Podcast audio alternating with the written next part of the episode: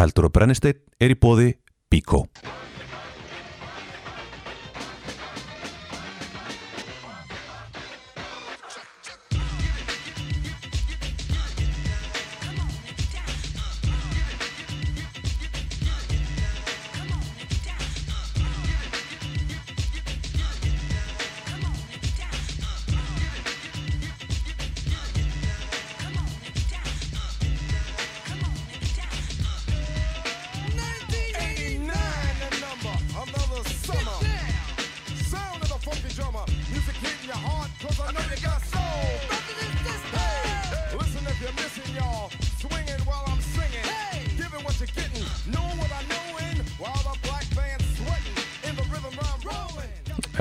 Ekki hvort ég hefði að setja þetta lag, þetta er alveg um, bara svartamannsins. Ég fattaði ekki fyrir að byrja að tala um Black Man. En við erum svo sem öll að berjast. Bæði við hér á Íslandi og svarti maðurinn fyrir sínu. Þér hlustu Aldur Brennstein, ég heiti Heiðar Sumarleðarsson, uh, með mér er hér að vanda Snæbjörn Brynjarsson. Og við erum eh, að sjálfsögðu í bóði byggingaværavörslunar Kópavóks og kunnum þeim bestar, bestu þakkir fyrir að gera okkur klift að hafa smáur smá auðra upp úr þessu Já, eitthvað pínu páns Já. og með okkur í dag er hver? Gíja Skúladóttir, ekki með okkur að vanda. Er, já, á, já. Óvanda. Já. Við erum svo óvanir því að vera með gesti. Já, við fáum allir bara- gestingar. Já, ég var, fekk bara allt í svona hvernig á maður að vera með gesti? Já, er hvernig maður að kynna það inn sko? Ég, var ég var bara á að kynna það inn sem geð hjúkurunafræðing og það hljómaði svo ég sem að fara að tala um svona Geðhjúkrun. geð, já. Geð ekki Ég er þetta ekki geðhjúgrunafræðingur Nei, þú ert það ekki. almennt, En ég er hjúgrunafræðingur og hef unni mikið já, á geðinu. Já, En ekki með svona sér geðmentun nei, emitt hvað er þetta að vinna núna? Ég er í veikindalega núna aðeins. En Já. annars er ég í samfélagsgeðteiminu já, Og eiginlega og svona tvígreiningateiminu Hvað sér, tví, Tvígreiningarteiminu hvað þýðir það? Það, ég var sem sagt teimistjóri í tvígreiningateiminu uh, Það er sem sagt teimi sem uh, sinnir einstaklingum með alvarlega geð og fíknivanda. Ok, yfirleitt fólk sem er heimilislaust eða, já, og mjög svona mikið vanda, það er ekki bara þú veist að reykja hass og smá þunglindur heldur Já. það þarf að vera svolítið, meir en það. Já. Kallast svona dual diagnose. Mm.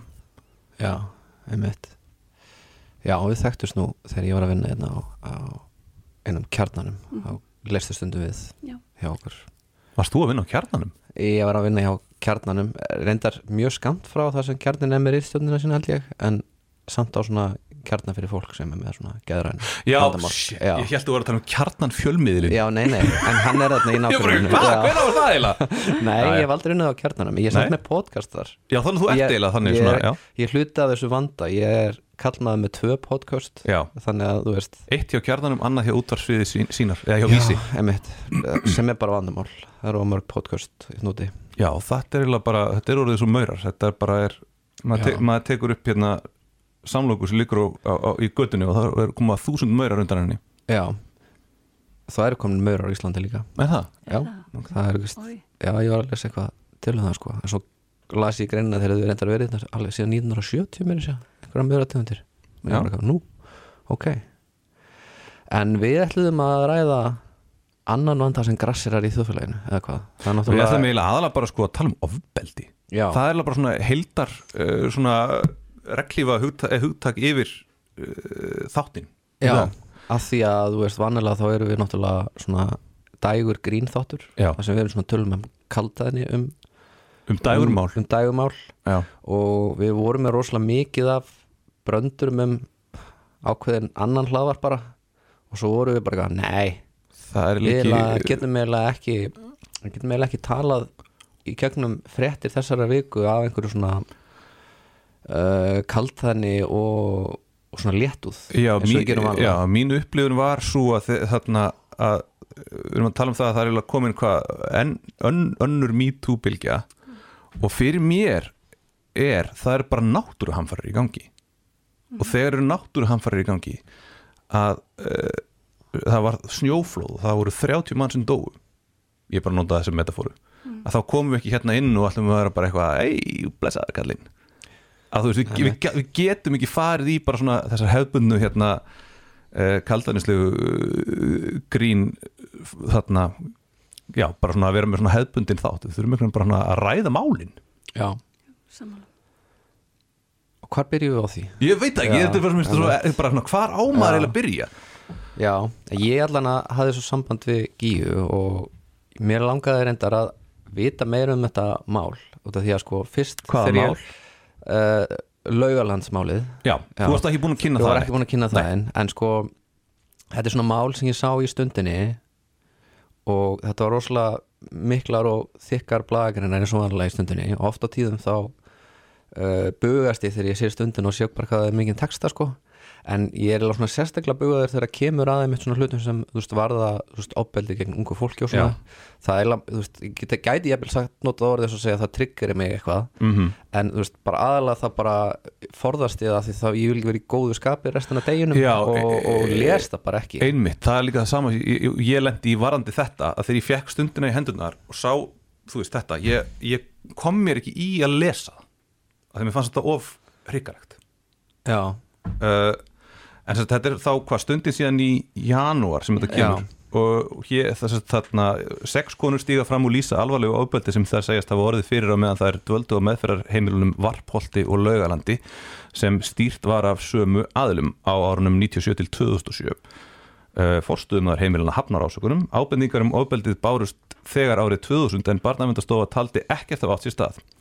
Við vorum bara börn, segja konunar sem upplifa málum þeirra hafi verið sópað undir teppið þetta, og hva, hvað er að gerast í þessu, með þessi mál á, að, þú veist, á einhver axla ábyrða á þessu Já, það er reynda margt búið að gerast. já, Ég held að við sem vorum átta sem höfum komið núna ofinbarlega fram, ef Mhm. ekki fleiri. já, Um, já, hvað er ég að byrja? Náttúrulega freyra stundin er alveg frábær. Svona líka búin að þurfa að vera í samskiptu við okkur allar. Og maður getur ímyndað sér, þetta er eins og að vera giftur sko, sko 13 konum sem eru allar bara, ba, ba, ba, ba. já. Þannig að hann, hann er alveg með þetta og hann er svo pollrólegur og yndislegur en þetta byrjaði rauninni að um, ég lendi eitthvað í svona, já, ég ætla bara að byrja á byrjunni síðasta sumar lendi ég smá svona áfalli og upp frá því fyrir ég svolítið að vinna í sjálfur mér og þá kemur þetta alltaf upp og það var svona eiginlega líka svona það sem satt í mér að aftur og aftur var maður búin að segja frá og því var bara sópað Mhm.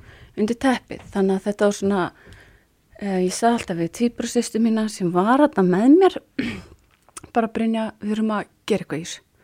Bara, þú veist, það er komið tími. Og alltaf að setja aftur og aftur. Svo stopnar hún bara svona Facebook-hóp og svo atta ég þeim sem var með okkur og svo bara restinn og hópurinn í dag 27, þetta bara sprakk. Og þú veist þær voru alla bara, ég hef oft verið að hugsa þetta. Og svo ákveðum við bara að hver og ein myndi skrifa sína sögu. Og ég held bara er ekki neitt mál. Ég lág upp í rúmi bara í þrjá daga og þú veist að því sumt sem ég gerði mér alveg grein fyrir að væri ofbeldi eins og einhver kýlið þig kallaði hóru eða eitthvað þannig það er svo áberandi að það er ofbeldi. En svo er svo margt þetta lúmska sem einhver megin nærmanni öðruvísi. Og svo sér maður bara einhver megin við, við vorum bara allir með sömu söguna. Það var alltaf sjö, sami þráðurinn. Og ég gerir þess að einhvern status á Facebook. Uh, og hérna og Margrét Blaðakona er með mig á hérna Facebookinu og hún pekar þau upp og hefur sambandið mig. Og þá byrjar þetta eiginlega að rúlla sko. Uh, fyrir þann tíma vorum við búin að reyna að hafa samband til síslumann uh, við erum búin að, þú veist, í gegnum árin búin að fara til löffræðings bara hvað getum við gert? Að hafa samband um umbúsmann batna og því er alltaf bara, það er ekki hægt að gera neitt. Það var einhver vist heimila nefnd en því til, til er ekki þeim sem sagt úrtaki. uh, þannig að ég reynir eina sem við eina sem var það er annarkvort að gleyma þessu eða nota fjölmjöla Mhm. og það er úslega ömulegt að þurfa að draga sín personulegustu mál framfyrir alþjóð bara svo er, því, það er, því, er hlustað á mann. En það er það sem við þurftum að gera. Uh, og svo já, í dag hefur félagsmálar á þeirra samþygt að þetta verið skoðað og það var sett á gæða og eftirlitstofnun að gera það og hún hafði ha- samband fyrst hvernig var það, í gæraði fyrradag þannig að það er greinilega eitthvað hafið einhver rannsókn, þannig Ekki gott. að loksins, já, Já. Og uh, stendur þetta til á hún sem að vera svona varanleg eitthvað svona varanlegt geða eftir lítið á svona eða er þetta bara svona ein, einstök rannsókn einstök rannsókn, það verið fyrst fyrst rannsókn að rannsaka með ofbeldið sem varð ástæðanum og svo held ég að það verið rannsakað uh, semst, uh, viðbröð stjórnvalda um hérna reglular ábendingar um ofbeldi og já, Þannig, verið já, þannig að augljóst er þú veist, þið náttúrulega uh, reynduð að gera eitthvað í þessu Já. og, og þú veist, höfðu samband við fólk til að láta vita af þessu og það virtist öllum vera bara, þessi bara sópaðandi teppið uh, En kannski- hver, hvernig er hægt að breyta kerfinu þannig að það virki? Ég held að þegar þú ert að með einhvern í svona valdalausri stöðu Mm þá verður alltaf Já. þú veist og, en þá er það bara svolítið að tryggja leiðarnar þegar manneski opna sig fyrir ofbeldi að það verður hlustað. Mhm. að því fyrsta lagi það er náttúrulega ákveðnar einstaklingar sem leita alltaf í ákveðnar stöður Já, þar sem þeir geta beitt ofbeldi og, og það stendur ekkit utan á fólki alltaf. Nei. En það auðvitað ákveðinu verkferðla líka að tryggja eftirlit, óhað eftirlit og allt þetta. En líka þetta þegar fólk segir frá held ég. Mér langar svolítið bara svona að spyrja út í svona mjög basic upplýsingar bara svona svo hlustendur fá þetta alveg svona sjá þetta fyrir sér. Uh, þessi staður, Laugaland hvað hva, hvar var þetta? Sko hann var fyrst, uh, hann var uh, stopnað 96, en, nei 97 og þá var hann í, í eigafyrðinum og hétt Varpolt, þá hétt bara staðurinn, sveitabarinn Varpolt svo flutta hann og varð á Laugalandi þess vegna er það Varpolt Laugaland Ok, uh, sumar voru bara á Varpolti og sumar voru bæða Varpolti og Laugalandi já og sumar, þannig að þetta rugglast og stundum þetta er svona pínu afskekt er það ekki? Jú, þetta er afskekt uh, og við vorum í rauninu mjög afskektar. Við fórum í Þélamerku skóla eða Laugalandaskóla en við vorum alltaf með sérkennara, tókum ekki þátt í neinu félagslífi fyrir utan þá íþróttir og okkur þannig. En við, en við fengum að fara samkomi á kvítasunnsöfniðinum. Ok, en þetta var svolítið þess að vera í klaustri sko. Já, Já. Og, og, og það var mikið svona trúar ofbeldi í rauninu. Ég er ekki móti trú Nei, en ég er á móti því að trú sé þröngað upp á fólk. En þetta er er þú svolítið aðtryggsett val, hvítasunnu söfnuðurinn, sko, frekar en, frekar en þjóðkirkjan, ekki það að það var sér endilega neitt skárra að, að, að gera það einu svona, eina átlettinu, en hvað, en það er mjög skrítið að veist, það, það, það er ekki eitthvað svona stefna barnavendar yfirvalda að það sé eitthvað svona kristilegt Jú, þau voru mjög stolt að þau og sagði að þetta veri kristilegt Ok. hérna stelpuheimili fyrir vandraða ólingar, ok, vandra, eða óðaka stelpur. ok. Þannig var þetta Vá. kynnt. Já, en það er líka sko hitt sem er þarna þetta, þessi vandræðulingastimpill Já, að það er, það er bara svona fólk ég held að fólk hafi bara ekki samúð ég er, ég, sko, þegar ég fór að vinna í sjálfum mér, þá Já. var þetta, fór að vinna svolítið í vandraða ólingum mínum mm og mér fara þetta ekki rosalega væntum bara þann part í mér og Já. ég er bara rosa stolt af honum í dag -hmm. og ég finn alveg fyrir honum, hann er alveg svona pínu rebel Já, og hérna, og mér finnst, ég er bara búin að, mér þykir væntum vandraða ólingi minn. hvers slags vandræða unglingur varstu? Hva, hvað þýðir þetta? Ég meina þegar þú ert 14 ára gömul, uh, þú ert ekkert með hefi fíknivanda. Mhm. Uh, flestar af okkur voru ekki. Marga stelpur hefðu bara lent í ofbeldi, kynfisofbeldi. Mhm. uh, tveim af okkur var nöðgað og í kjölfarið sett þangað. Já, veist, það er svona að sé að vera að refsa ykkur fyrir að Já. hafa verið fórnalöfum glæps Það var bara þannig. Já, og þá voru við bara eitthvað erfiðar í skólanum og þú veist. Já það þurfa bara að taka þér úr umferð Já. þannig að það sé ekki fyrir Þetta var bara geimsla. Já. Þannig að, um, og það var eiginlega svolítið þannig ég, ég veit um, ef við hugsaum allar stelpun svo með mér, það var kannski ein eða tvær mér svona fíknivanda Mhm. en upprunulega örgulega ekki fíknivanda Já.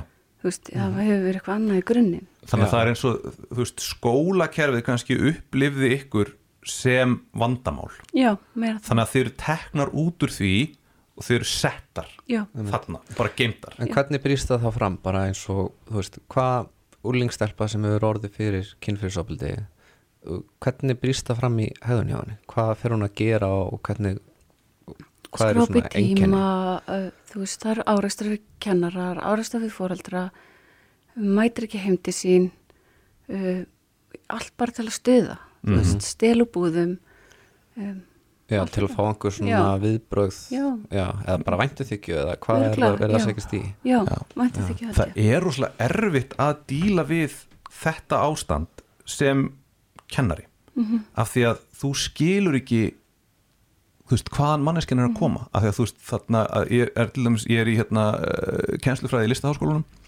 og er búin að vera að fara, þú veist, inn í tíma og bæði líka búin að vera, þú veist, í æfingakennslu og svona og það er einhvern veginn þú veist, þeir krakkar sem eru erfiðir að, það, að því að þeir eru alltaf að reyna veist, að stuða, Já. að það var svo erfitt að elska þá. Að því að þú ert, leggur kemur inn og þú ert með eitthvað prógram sem þú ætlar að gera og það er alltaf að vera að sína þér vanvirðingu.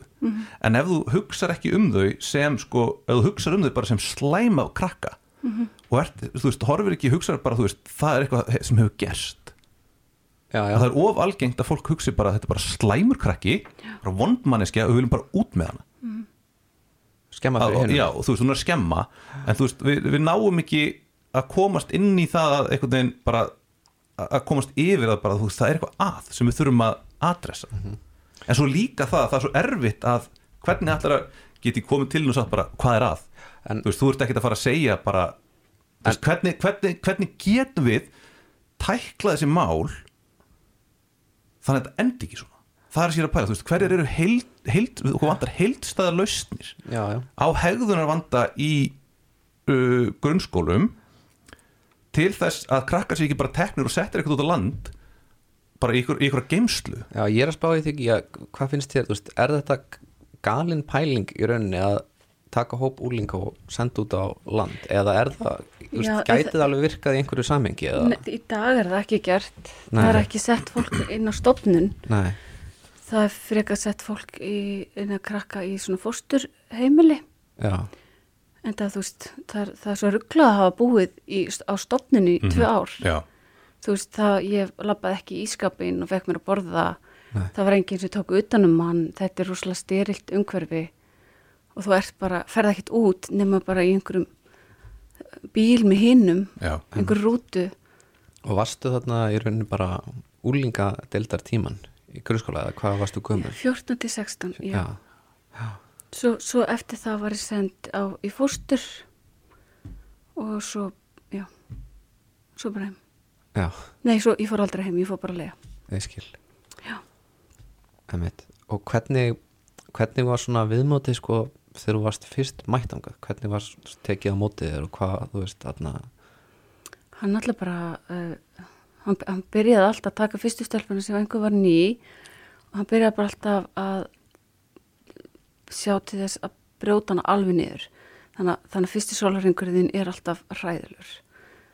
Uh, og það og þá bara nota líka litt ábyldi um, Men- mennar bara slóa hann bara stúlku sem var bara nýkomin á staðin Já, þá byrjar hann bara að, já, hann tók mig til dæmis að því að þú segir eitthvað vittlust eða eitthvað þá bara keira hann því kannski hann, þú veist, upp við vegg tekur þið kvarkataki uh, hrindi inn í stiga dregur þið hárinu, shit. kýlir þig. E, eru þetta, þú veist, er einhver skóli sem að kennir þetta sem einhverjar aðferðið eða þú veist, var það, er þetta einhver, þú veist, var hann í einhverju námi 1960 eitthvað í einhverju skóla sem að sagði að þetta virkaði, ég næ ekki hvaðan þetta kemur. Nei, ég, sko, en þegar maður hugsa tilbaka þá var óbaldið hann svo markvist já, og því eins og við, það var svona við tölum allar um, um þetta, þetta sam, hérna, samskiptabann.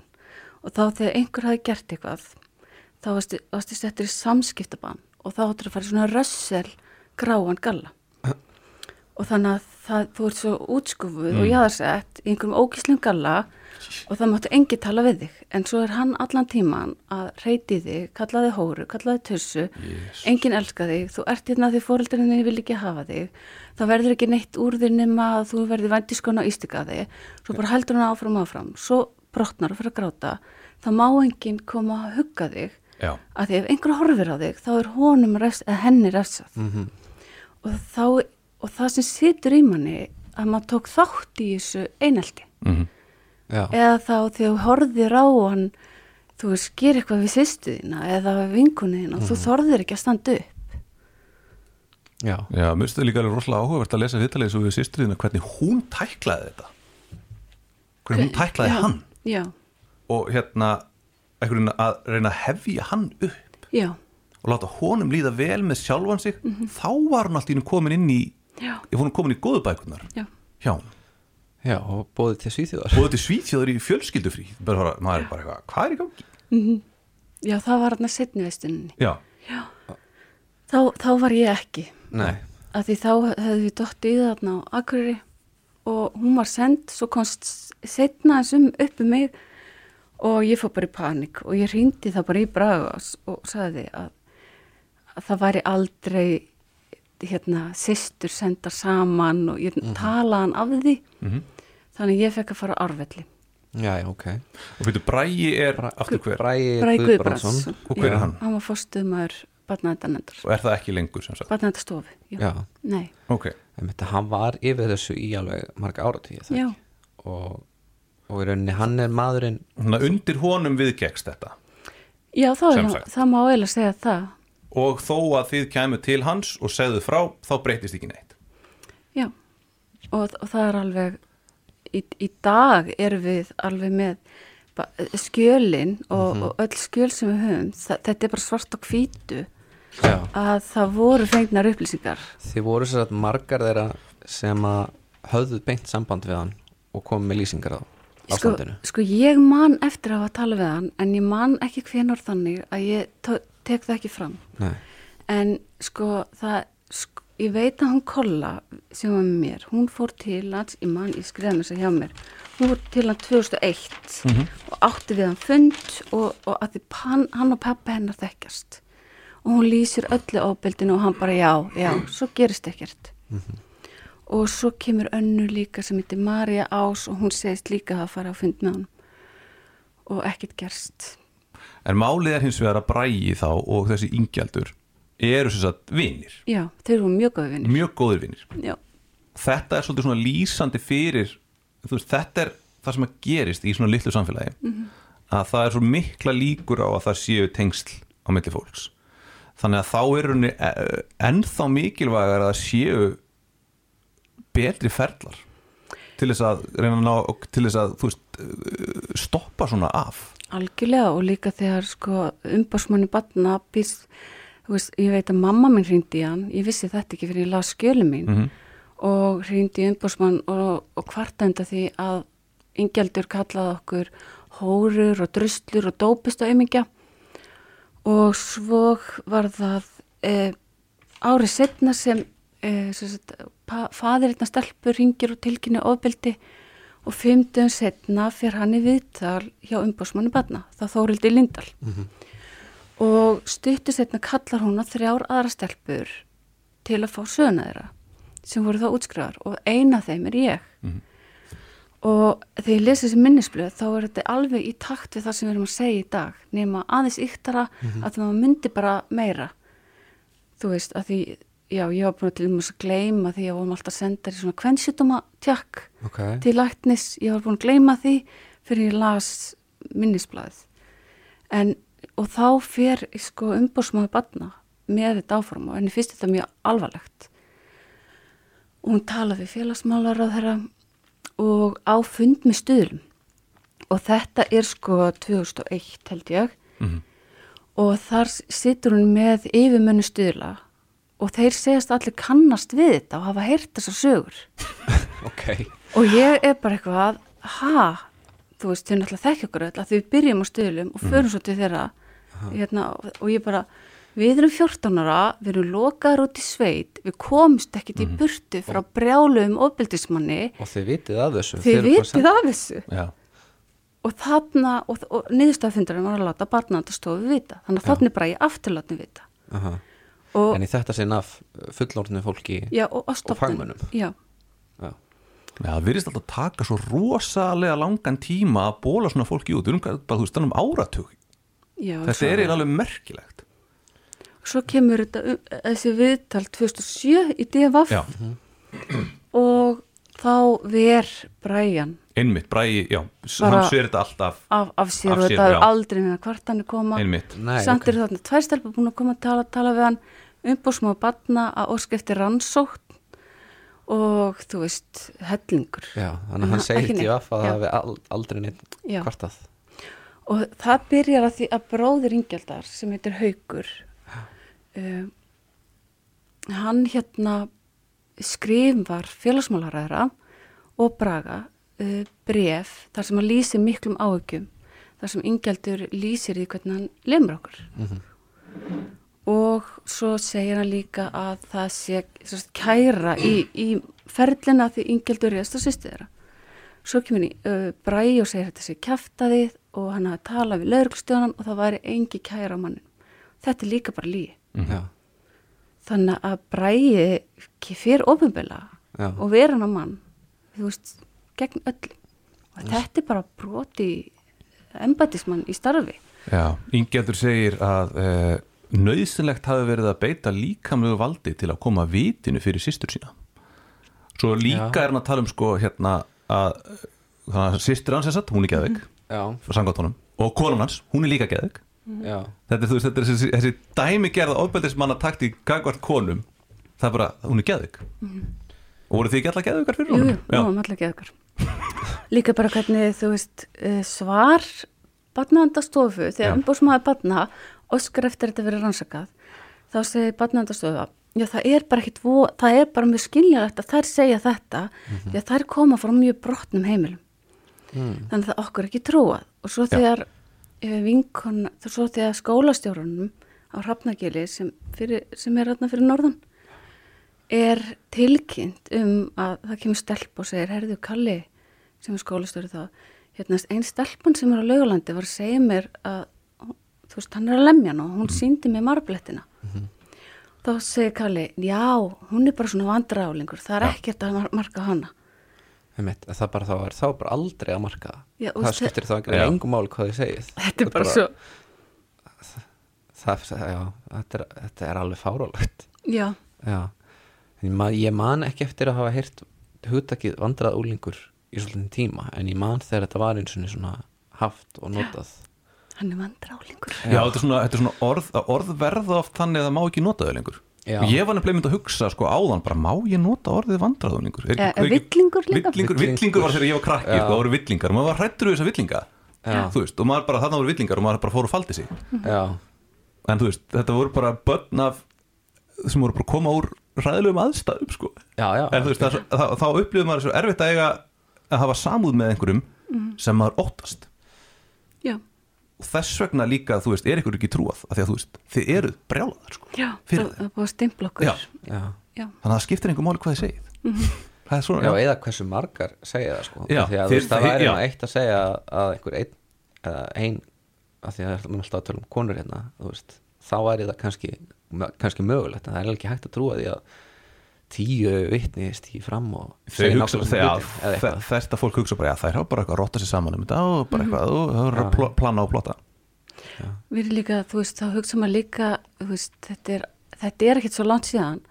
Þarna hafði bara maður sem hafði enga mentun í alveg, var hann ekki með neina mentun í þessu. einhver SA áraðgjafi. Vá, og hann hefur bara fullan aðgang að stelpum sem hafa lítinn bakkjarl já, skilur Mhm. og það er nánast ekkert eftirlit já, Ma manni líður eins og þetta sé, hafi bara verið 1950 og eitthvað sko ég veit það og þetta var á þessari öld sko, og svo held, ég held að þetta sé, ég held að, ég held að Bræði hafa alveg trúið okkur en þetta var bara svo óþægilegt fyrir hann Já. já, hann þetta er svo mikið vandrarlegt fyrir hann að við já, hvað Já. er mikið að klúður. viðkynna þetta og ég held að aftur og aftur hafi það gest í kerfinu Mhm.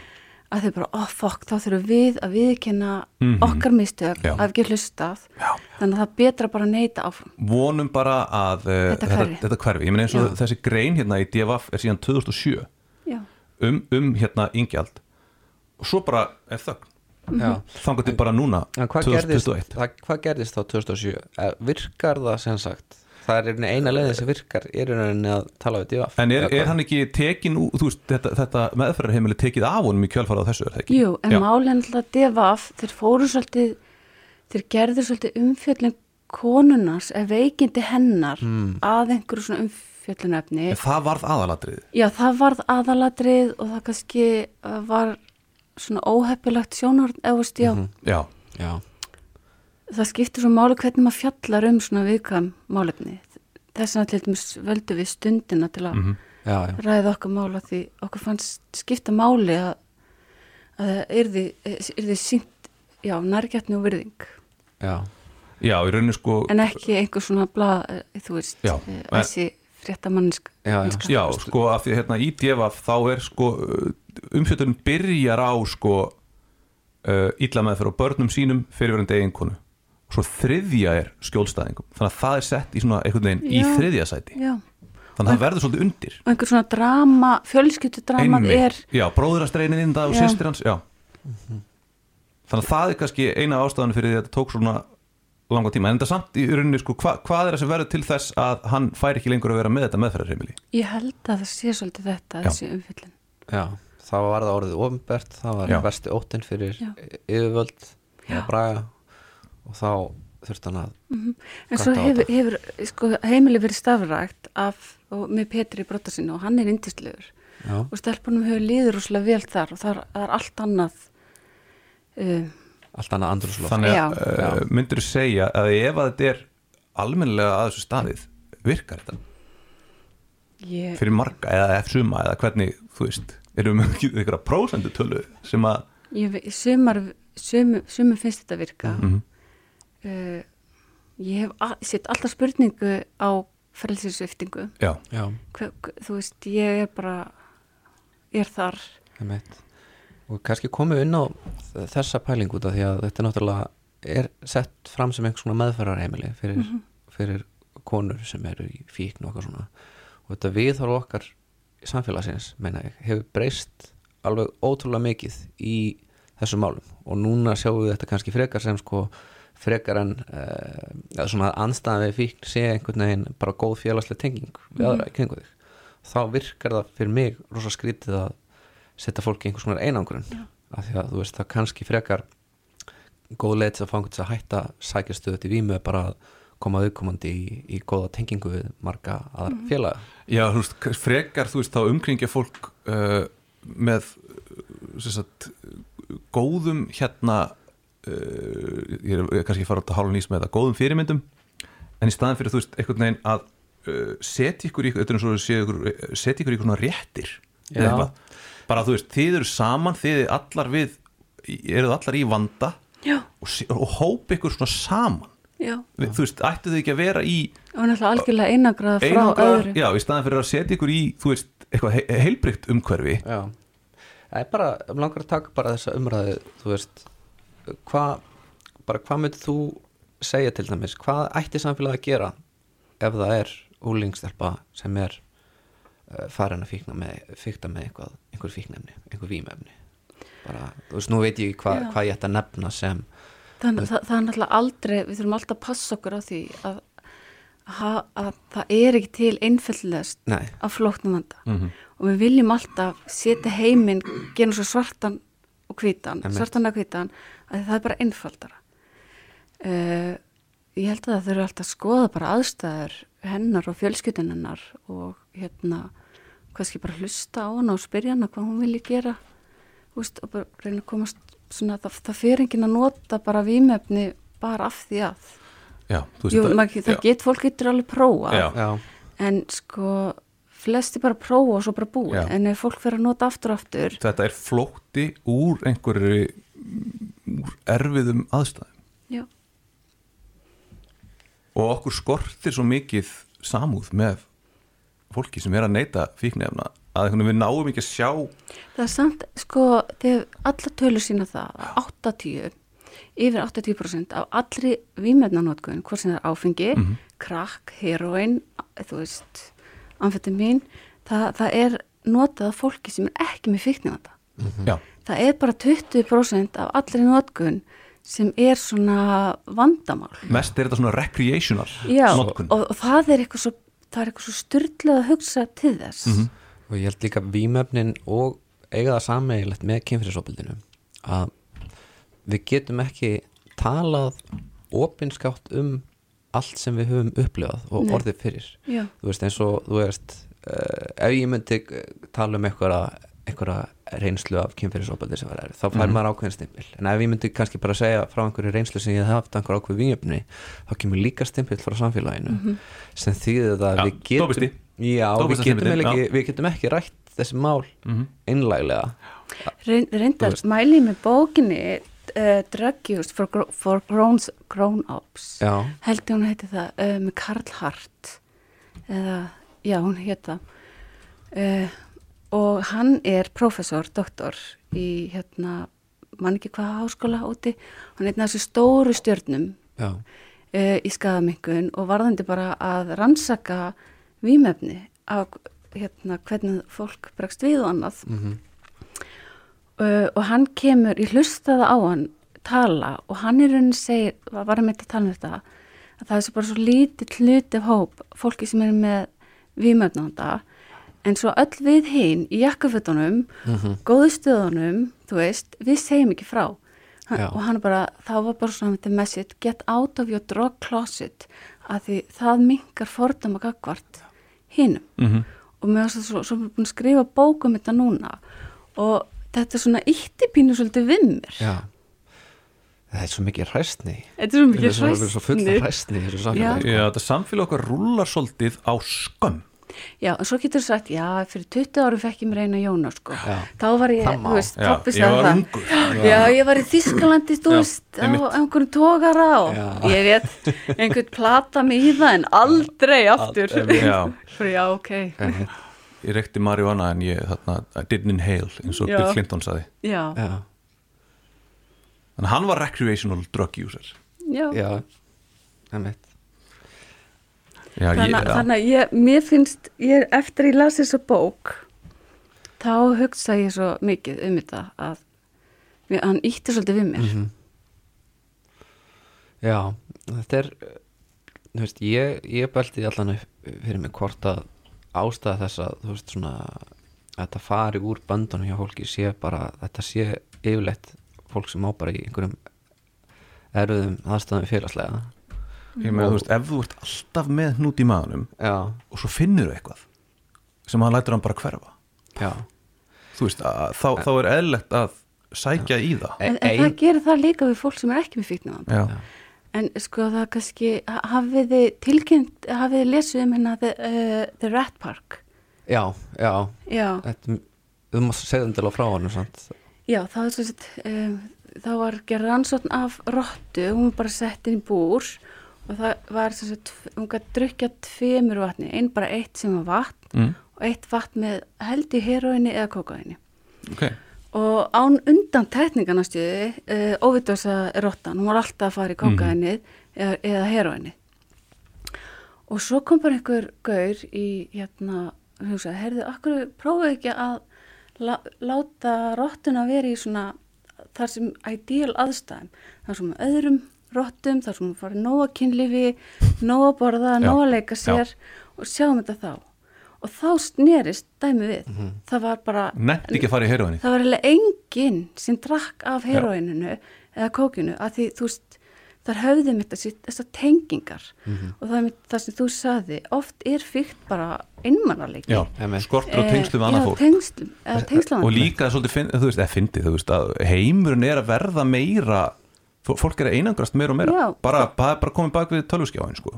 og þá er mitt kannski, kannski verður bara afleðingarnar af COVID bara fólk meiri fyrknavandi já, Mér finnst það var allan að svona rögrætt út frá þessu Já. Já, ég hef heyrt fólk tala og þetta er þetta svona anekdótalega mér að það sé eh, COVID svona vandamál í, í bara borginni núna getur við sagt sko og mér svona líður pinlítið þannig þannig að þegar ég rölt um miðborgina eins og ég held að það sé alveg ákveðin svona örvatning í lofti sem bara afleðing af, af aukinni einangurinn sko. Já. það er líka talað um það kennar í skólum talað um það að hegðunar vandamál séu, þú veist, heg, það séu meiri hegðunar vandamál eftir að COVID kom inn. Já, þannig að krökkurinn líður verð einmitt Já, þú veist, einmannaleikin sko. Var ekki ógæslega einmannalegt líka að vera til laugalati? Var það ekki, þú veist, stór faktor? uh, eða þá líka að þú fegst allir privacy. Mm. þú varst í sko kóju með annari stelpu. Við varum með tveim öðrum stelpum þannig að þú fegst aldrei þitt space. Eini staðurinn var bara klósetið eða styrtan, þannig að maður lasti sér stundu þar inni bara til að fá mm -hmm. space. Og já, þetta, er svolítið bara svona eins og fangelsi Þú varst í klefa með öðrum Já. stelpum eiginlega já, já, þannig að það var ofta alveg bara þannig Það er frekar crazy sko. En menn, þetta er ekki einu sinni eins og fangelsa Því fangelsa þú ertu þú ekki með þinn eigin klefa á Jú. Íslandi allavega já þú veist maður sé hugsa bara og, band- og færð að ringja heim Já. við fengum ekki Já. að ringja heim Nei, ég hugsa bara svona bandarinskar bíómyndir með, með svona Já. hinn í, kóinu fyrir ofan þig og svo klósett inn í klefanum. Já, já, það var ekki þannig Nei, þið, já, ok. Já, ég er svona veltaði fyrir mér. Þú veist, af hverju hvernig getum við uh, sem samfélag reynd að þú er ég bara að tala um ofbeldi í svona sí- sínu víðasta sínu víðasta skilningi. Hvernig getum við breytt samfélaginu þannig að til þess að draga úr ofbeldi og þá, ég var svona að velta fyrir mér hvort að við þurfum að vera sko með 100 ára plan. Það sé ekki nóg að vera bara, þú veist, af því að stjórnvöld er alltaf kosin bara til fjögur ára þannig að það er alltaf svo mikil skamtíma sín ég er svona að velta fyrir mér hvort það þurfi ekki að vera bara svona einhver svona samfélagssáttmáli af því að það, ég held að muni þurfa að taka, að muni taka einhverjar kynnslóðir að vinda ofan af þessu, þessum ofbeldis kultúr sem að færa einhvern veginn að rá, vera svo dóminerandi í samfélaginu. Bara hvað ætlum við að gera til þess að takast á við þetta? Og þú veist, ég er sérstaklega búin að velta þessu fyrir mér í kjölfarið á þessari nýju hérna Me Too bylgju, bara hvað er til ráða og hver ætlar að gera eitthvað? Þú veist, þú veist til, hvers, til hvers eigum við að horfa? Hver er aðilinn sem að mun rétt pend og segja, ég ætla að gera eitthvað Heiðar, þú ert náttúrulega í Er svona- á Þú ert í kennslufræðina Já. sko. Þú ert að fara að kenna sko. Þú bara augljóslega Já, það er að vera Og heilt þú- stæði laust Ég get ekki gert Nei, þú mikið. opnar svona bóndabæ. Og við sendum bara úlingana til því Já. S- Já, safna þeim Haldt Já. áfram að samna þeim saman. Já, Já, Lætið að vinna og svona já ég, ég, vinnan göfgar ég, já, sem sagt, ég uh, Vandræðunlingarnir Já. og beljur. Og Já. beljur Já, Ég er samt ekkert að djóka með þetta sko. Ég er bara er að velta fyrir mér að þú veist það þarf eitthvað En mikið sko- en að sko, gera ef- það er ekki þetta að gera 100 ára plan því að eitthvað sem er í lægi núna verður ekki í lægi eftir 100 ár. Viðmiðin okkar breytast rosalega mikið. Og eitthvað sem ég kannski sagði þegar ég var tvítug þá er ég bara hjúk gott það var ekki til Facebook.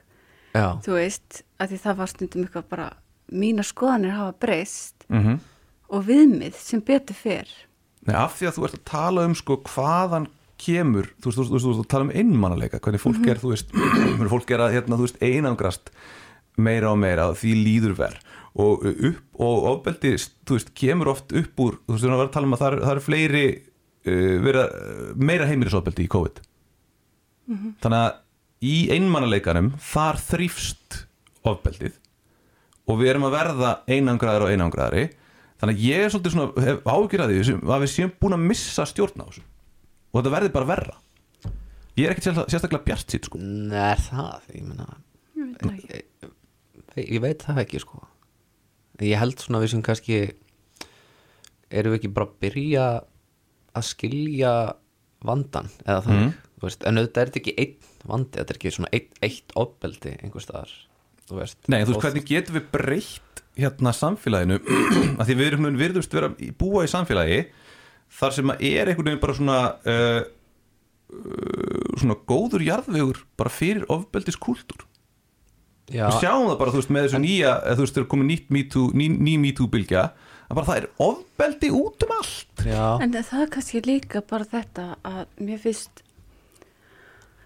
að því ég er búin að vinna náttúrulega á geðinu og svona og mér, ég vill ekki þú veist, minnst þetta orðið að vera ofbeldis maður, ofbeldis kona sumir er, er það náttúrulega. En sumir eru bara með óbeisla varnakerfi, eins og Já. vinkonum ég sagði. Og mér fannst þetta svo fallegt Mhm. að því inn í ákveðnum aðstæðum þá bara getur fólk mistöka stö, töka sér. Mhm. og í staðan fyrir að stimpla fólk sem einhvað, þú er bara ofbeldismæður já, það, það getur líka verið, þú veist það, það, það- er bara partur af því sem ég er að tala um og, þú þá, og það í staðan fyrir bara að kannski skrimsla væða ekki ofbeldi heldur að nálgast það bara að fólk getur breyst. Já, Já, það getur verið partur Og- af 100 ára planinu sem ég er að tala um sko. Já, já, já. Það- þið- Skiljið hvert er að Já. fara? Að veist, þú þurr, það, það, þetta eru mörg púsl inn í eitt stórt púsluspil. Já, ekki þessum nornaveiðar Já, einmitt. Og líka eins og bara kvennfyrirritning það er bara svona samfélagslegu smitsjúkdómur sem við erum að ala börnin okkar upp í. Og þetta sé ég líka bara inn í skólunum mm, bara eins og þú veist, eitt frendi minn hann segir bara, ég veit ekki hvað stelpur það er bæknum við erum heita. Bara, þú veist, það er bara eitthvað hann getur ekki tala við þar og, og það er bara, þú veist það, hann er góður strákur úr skilur, en þetta er bara kultúrin góður strákur, ég man fyrir, Já, fyrir við um- hérna. ST þarna uh, að, að þetta er hérna uh, það jafningja samfélagi sem hann kemur úr. Bara það að tala við stelpur, vita eitthvað um stelpunar í bekknuðinum, það er bara ekki cool veist, við, stjó, við stjórnum svo litlu og ég upplýði þetta líka bara í, svona, í, sem, í, í þessari kennslu að uh, jafningja áhrif jafningja eru miklu áhrifameiri heldur klárlega okkar. Við höfum eiginlega ekkert að segja við fullana fólki Nei, sko. við erum bara algjörst aukaðatri en, en mér langar að koma inn á þetta er svolítið aðeinsverið búntur sem þú komst með. Það er þetta sko skrýmslavæðinga opildi ég verið að velta því fyrir mér þú veist svolítið sko hvernig þarna, hvernig hvernig það á að virka sko eins og til dæmis sko maður vill ekki eiga opildsmann sem vin til dæmis. Nei.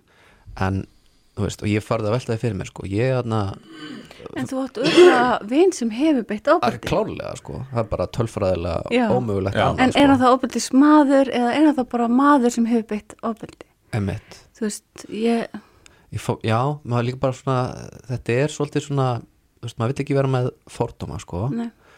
ég fór að hugsa um það sko, að segjum sem svo að ég eh, ætti vin sem hefði fengið dóm fyrir eh, einhvern glæp. Bara hvort það var fjárdráttur eða eða bara morð fyrir einhverjum 20 árum síðan. Myndi ég e, útilokan sem vin? Nei, kannski ekki að því myndi segja þér bara búin að afplana og eitthvað svo leiði sko en það eru samt sem brot sem eru svolítið þannig bara, þú veist þú, þú, veist, þú vilt ekki eiga kynfyrirsbrotamann nei, sem vin. já. nei. og það og kannski er það kannski, þú veist, er það einhvern veginn vandamál sem heldur okkur frá því að eiga, þú veist, einlægt samtal út af því að þú veist, þetta er bara greinilega er svo hlutvarslega svo mikið af kynfyrirsbrota fólki en það, Já, ég meina, þetta er svo, þú veist, bara út af eins og tengda sér sjálfa tryggva svona máli, að þegar ég fór hérna í, ég fór í sprautu hérna AstraZeneca, það var svona pulsupartí, það var bara kallar. Já, og það eina sem ég var bara að hugsa bara eitthvað, það var aldrei verið jafnir ekki nöðgarar samankomnir á Íslandi á einum stað. Já, í lögðarsöðinni Já, það var bara eina sem ég var að hugsa, ég bara horfði á alla sem menn í Ekki kringum síðan mig. Ég, ég hugsa, já, bara síðan á skútertónleikunum. Og þá fór ég bara að hugsa, þá fór líka bara að velta fyrir mig bara hvaða samfélagið okkar er gegn sírt af ofbeldi. Já, og þetta er bara að koma meira og meira upp á yfirborðið en það ég held samt ekki að fólk sem beitur ofbeldi sé alltaf von. Nei, ég er ekki að segja það, en ég er bara Þú að mig á því hvað er Já. af því að ég, þetta er ekki inn í minni búblu, já, þú veist, en þetta er út um allt samt. En mér langar að koma svolítið að þínum punkti, hvað hva, svona, hvað meinar eiginlega með því? Með hverju. með, hvað meinar Gíja, ekki þú heiðar. Nei, ég er að segja, hún er búin að segja svo margt þannig Já, að ég er að meina bara með að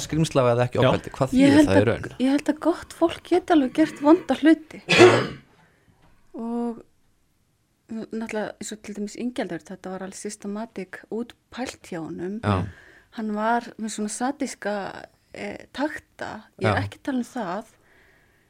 Hann á örgla sína góða hlið líka. Já. e, en ég er að bara segja undir ákveðnum kringustæðum þá getur gott fólk gert vonda hluti. Já, þannig að skilgreina fólk út frá einhver sem gerist eða eitthvað veist, fólk er svo margt erum, veist, það er svo margar hliðar á okkur Já, og það er svo vond að ef ég til dæmis er með einhvern part í mér sem er kannski ekki samfélagslega viðurkendur Mhm. en ég með aðra parta sem er mjög góðir Mhm. en ég get ekki fara að vinna í þessum parta því ég fæ svo mikið dóm fyrir það. Einmitt, það er, það er skömmin sko. það er, það er skömmin. Já. og ég kannski þetta með sjálfa að, að, að, að þessi kynlísvíkt og og ég get ímynda mér það það er ótrúlega erfitt að vera kallmaður og leita sér aðstöðar með þetta. Já, þetta er svona að sífælt að segja lögfræðingurinn við hann þú ert svo góður strákur Sölvi. Mér fannst þetta ræðilegt Það mér er fannst, þetta svo slæmt að gera þetta, þetta viðtal sko. mér, fa mér fannst hún bara hún hefði náttúrulega fyrstulega átt að hafa vit fyrir skjólstæðingunum sínum Já. að fara ekki með hann í taugafalli í viðtal. Nákvæmlega. Og svo talaði hann bara niður til hans ef ég hefði verið kallið góð stelpa Mhm. mér, ég hefði upplegað bara sem ekki cool. Nei, þú talar ekki svona í fullorðið Nei, fólk, og svo hún klappa hann bara kollin allan tíman já, sko. Já, fyrir þetta það sko. Já, já En ég meina hann ber náttúrulega sjálfur mest ábyrða því að hafa tekið þetta viðtölu sjálf sig, Þetta var bara- Já. En við skulum ekki tala um eitthvað einstakt mál sko. Ég Nei. bara Það sem ég spái kannski, er kannski aðalega spá í er bara kannski ættu við að staðan fyrir að skrýnslaða opeldi ættu við kannski að sjúkdómsvæða það? Er Já. það einhver svona leið, getur við bara sagt Já, þú ert, Þú ert bara, veikur. Þú ert bara Ah, með ah. veikur eins og það hvað, sé fótbrott, ég veit það ekki að þá að því þú ert að tala um að afskrýmslavæða þú veist, við verum að finna einhverja þú veist, einhverja Já. laust Já. ég, ég, þú ert, Ég- þú rauninni- ekki sammála. Nei. Jú, nei, Ég- ég held í raun að ég er náttúrulega ekki að fara að geðinu það sem allt er sjúdómur skilur Já, og bara, og þú veist, fara lif við er öllu, er orðið þú veist, og heyrðu rattir, Já. fáðu meiri lif, Já. en ekki hvað, ok, hvað er rattin að segja, þú veist, um, Emmett, ég hef oft hugsað með mér sko, þú veist, í öðru samfélagi þá væri við komandi bara sjaman sko, ég veit það, virtasti meðlumir samfélagsins. Já, ekki, já, og líka bara þegar þú ferða þessu út á land, þá sérðu svona fólk sem eru svona sérvitringar. Já, og það er bara pláss fyrir að vera sérvitingur, ef hann kemur í bæinn þá væri hann bara, Já. þú veist, með alla greiningar og, Emmett við höldum að við sem búum í borginni sem einhvern veginn svona viðsittni og ekki en í raun og veru þá, þú veist, Við erum- erum við búin að, að breyta bara í einhverja, já, við erum bara búin að skilgjana sem sjúklinga fólk sem hefur við erum alltaf mjög lokað fólk sem sagt, Íslendingar sem þjóðfélag, ef maður ber saman við bara hvernig fólk í öð, öðru löndum sem ég hef búið í er bara einhvern veginn við náungan við erum rosalega lokuð, þannig að það kannski hjálpar okkur ekki heldur. Bara svona hvernig þjóðarsálin er. Aha, í því að tækla erfið mál. Mhm. að því við erum frekar við erum frekar, við erum er, kannski þá getur verið svona einhver svona enginn að þjóðarsálinu að sópa bara undir teppið. Pæling. Já. Nei, ég held að það sé alveg rétt sko. Já. Já, eða með og á móti og tvær fylkingar og, að því að alltaf var að tala um Ísland er svona og Íslandingar eru hins veginn í svona veltaði fyrir mér er það rétt, erum við eitthvað verri eða betri en aðrar þjóðir eða þú veist, er, er tækla hérna aðrar þjóðir svona ofbeldismála á einhvern annan máta af því að þau eru einhvern veginn bara þjóðarsálin er önnur ég, það er svona, ég, er svona að Ég held að þú getur að fengi meiri fjarlægð í öðrum stærri þjóðum sko. Af því þetta er bara smábær Já. Ísland eiginlega Já, það er alltaf Já. átt- þekkir alltaf vin uh, einhvers eða ætting einhvers sem verður að tala um sko. mm -hmm.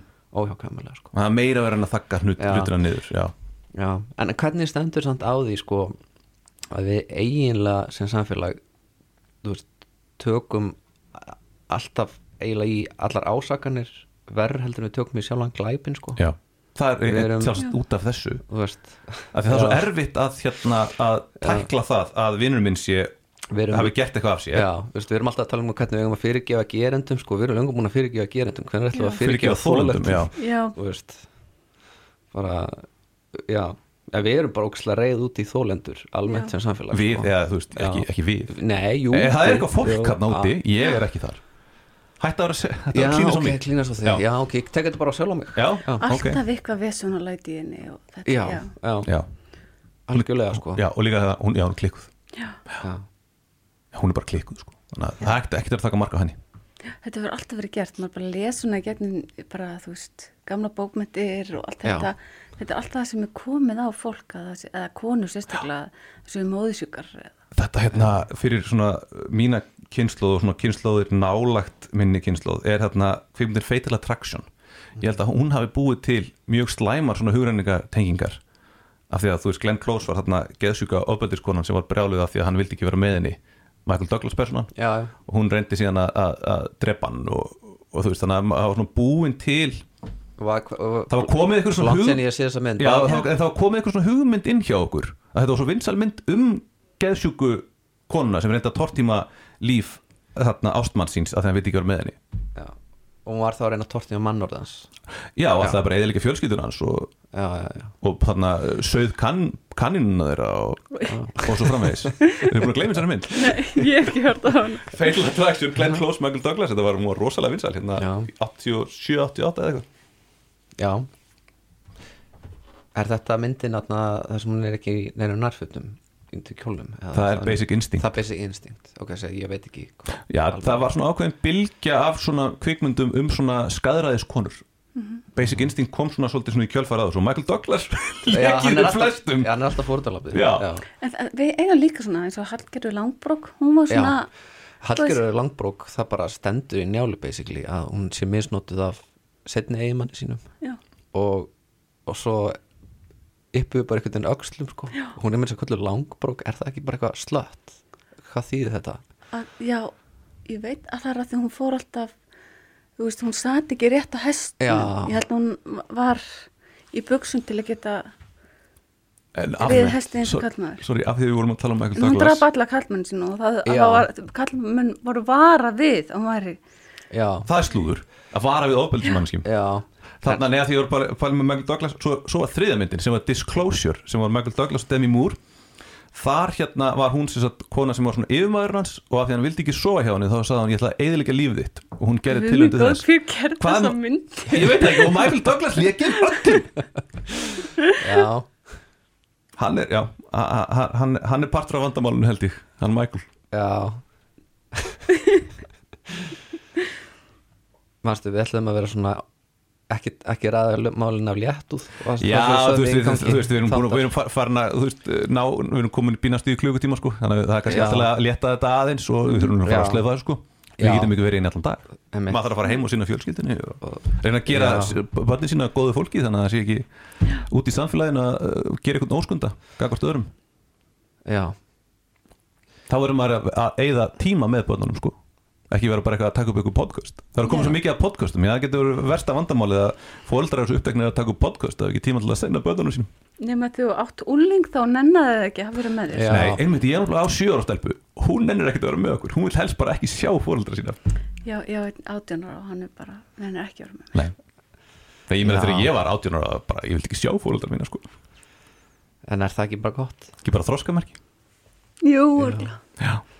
Já Já, en er það, er það erfitt? Nú á ég bara sko átta mánuða stúlku sko þannig að ég veit, get ekki ímynda mér ástandið. Er, finnst þér þetta upplifur höfnun? nei, nei Nei, þú veist bara sátt. Þetta er bara partur af lífinu Já, ég upplifur höfnun sko þetta því að þarna, litla mín er með svo mikla sko hún er svona personal space baby sko Já. en ég er svo sem Vantar það meiri knús Ég skal í knúsa mig vant að gera mikið knús þú veist, þarna, eins og mamma hennar saðum daginn, þarna, hún rak sig í og metti sig og þá pikkaði hún hann upp og, og fekk að knúsa hana því hún var að grenja áksleininnar Ah, og hún var svona, ok, svona, hún var bara, ég veit þetta er slæmt en þetta er fyrsta sinn sem hún vill knúsa mig. Og, og, og við erum alveg, já. Þú veist, að, þetta er svo mikið alvarlegt. Hún er bara svona þú veist, hún er bara svona pyrruð ef ég tek utan um hana og held ekki á henni bara eins og. Lion King eða eitthvað. Þú veist, ég verð ver, ver bara leifin að, að ráða þessu sko, auðvitað, en þarna mér finnst þetta, ég upplýði því líka á höfnun sko, já, já, ég sumir bara eru bara svona vilja Já. ekki láta já, bara of nála sér. Hún vil bara sitt space. Bara, ég verð bara að virða það. Mm Já, ég hef ekki bara láta þetta verða vera loka orðin Já. Þið voruð að hlusta á Eld og Brennistein Ég gerir ráð fyrir að þið sem eru búin að vera að hlusta hafi vita það að Þið voruð að hlusta á Eld og Brennistein uh, Við vorum í bóði Bíkó. Gíja skóladóttir var gestur okkar. Við minnum líka á Instagram síðan okkar. Já, Við reyna að vera með eitthvað Æ, við erum ekki góður Eitthvað, ég, er, erum að Instagram, vinna í sko. þessu. Ég er að vinna í Instagram hérna uh, Instagram, hvað segir maður okkar svona visibility á Instagram. Eru þið ekki með Snapchat og TikTok og... Ég er Snapchat er náttúrulega Ég er- það er ég er háður TikTok en ég hef Ég er aldrei að postað inn á TikTok sko. Nei, Nei. þú að vera, verða virkari á Instagram Á, ég- síðan okkar. Ég er eitthvað svona að reyna svona eitthvað. Ég bara er svona fatlaður þegar það kemur að sko, ég bara ég finnst ég skemmtilegur á Twitter og Facebook og það er texti en svona að tjá mig með því að taka ljósmynd ég ég get ekki Þú tekið selfie. ljó- tekur ljósmynd ég og svo, svo tekið setur þú mér finnst texta. ég eins og astni fram að ég tek selfie. Já. sorry, það er bara, Nei, þú ert ekkert eins og asni frá mann nei takk. Hefur þú séð asna? Veistu hvernig asna lít út? Þú ert ekki líkur Nú asna verður þú eiginlega að fá þér svona astnagrímu og taka selfie taka selfie, já, Þú getur, já, bara þú getur auðvitað látið þarna appið gera það fyrir þig. Já, er reyndar. Frábært, heyrðu, Ok, takk fyrir okkur. Já. Þessi þáttur var í bóði Bíkó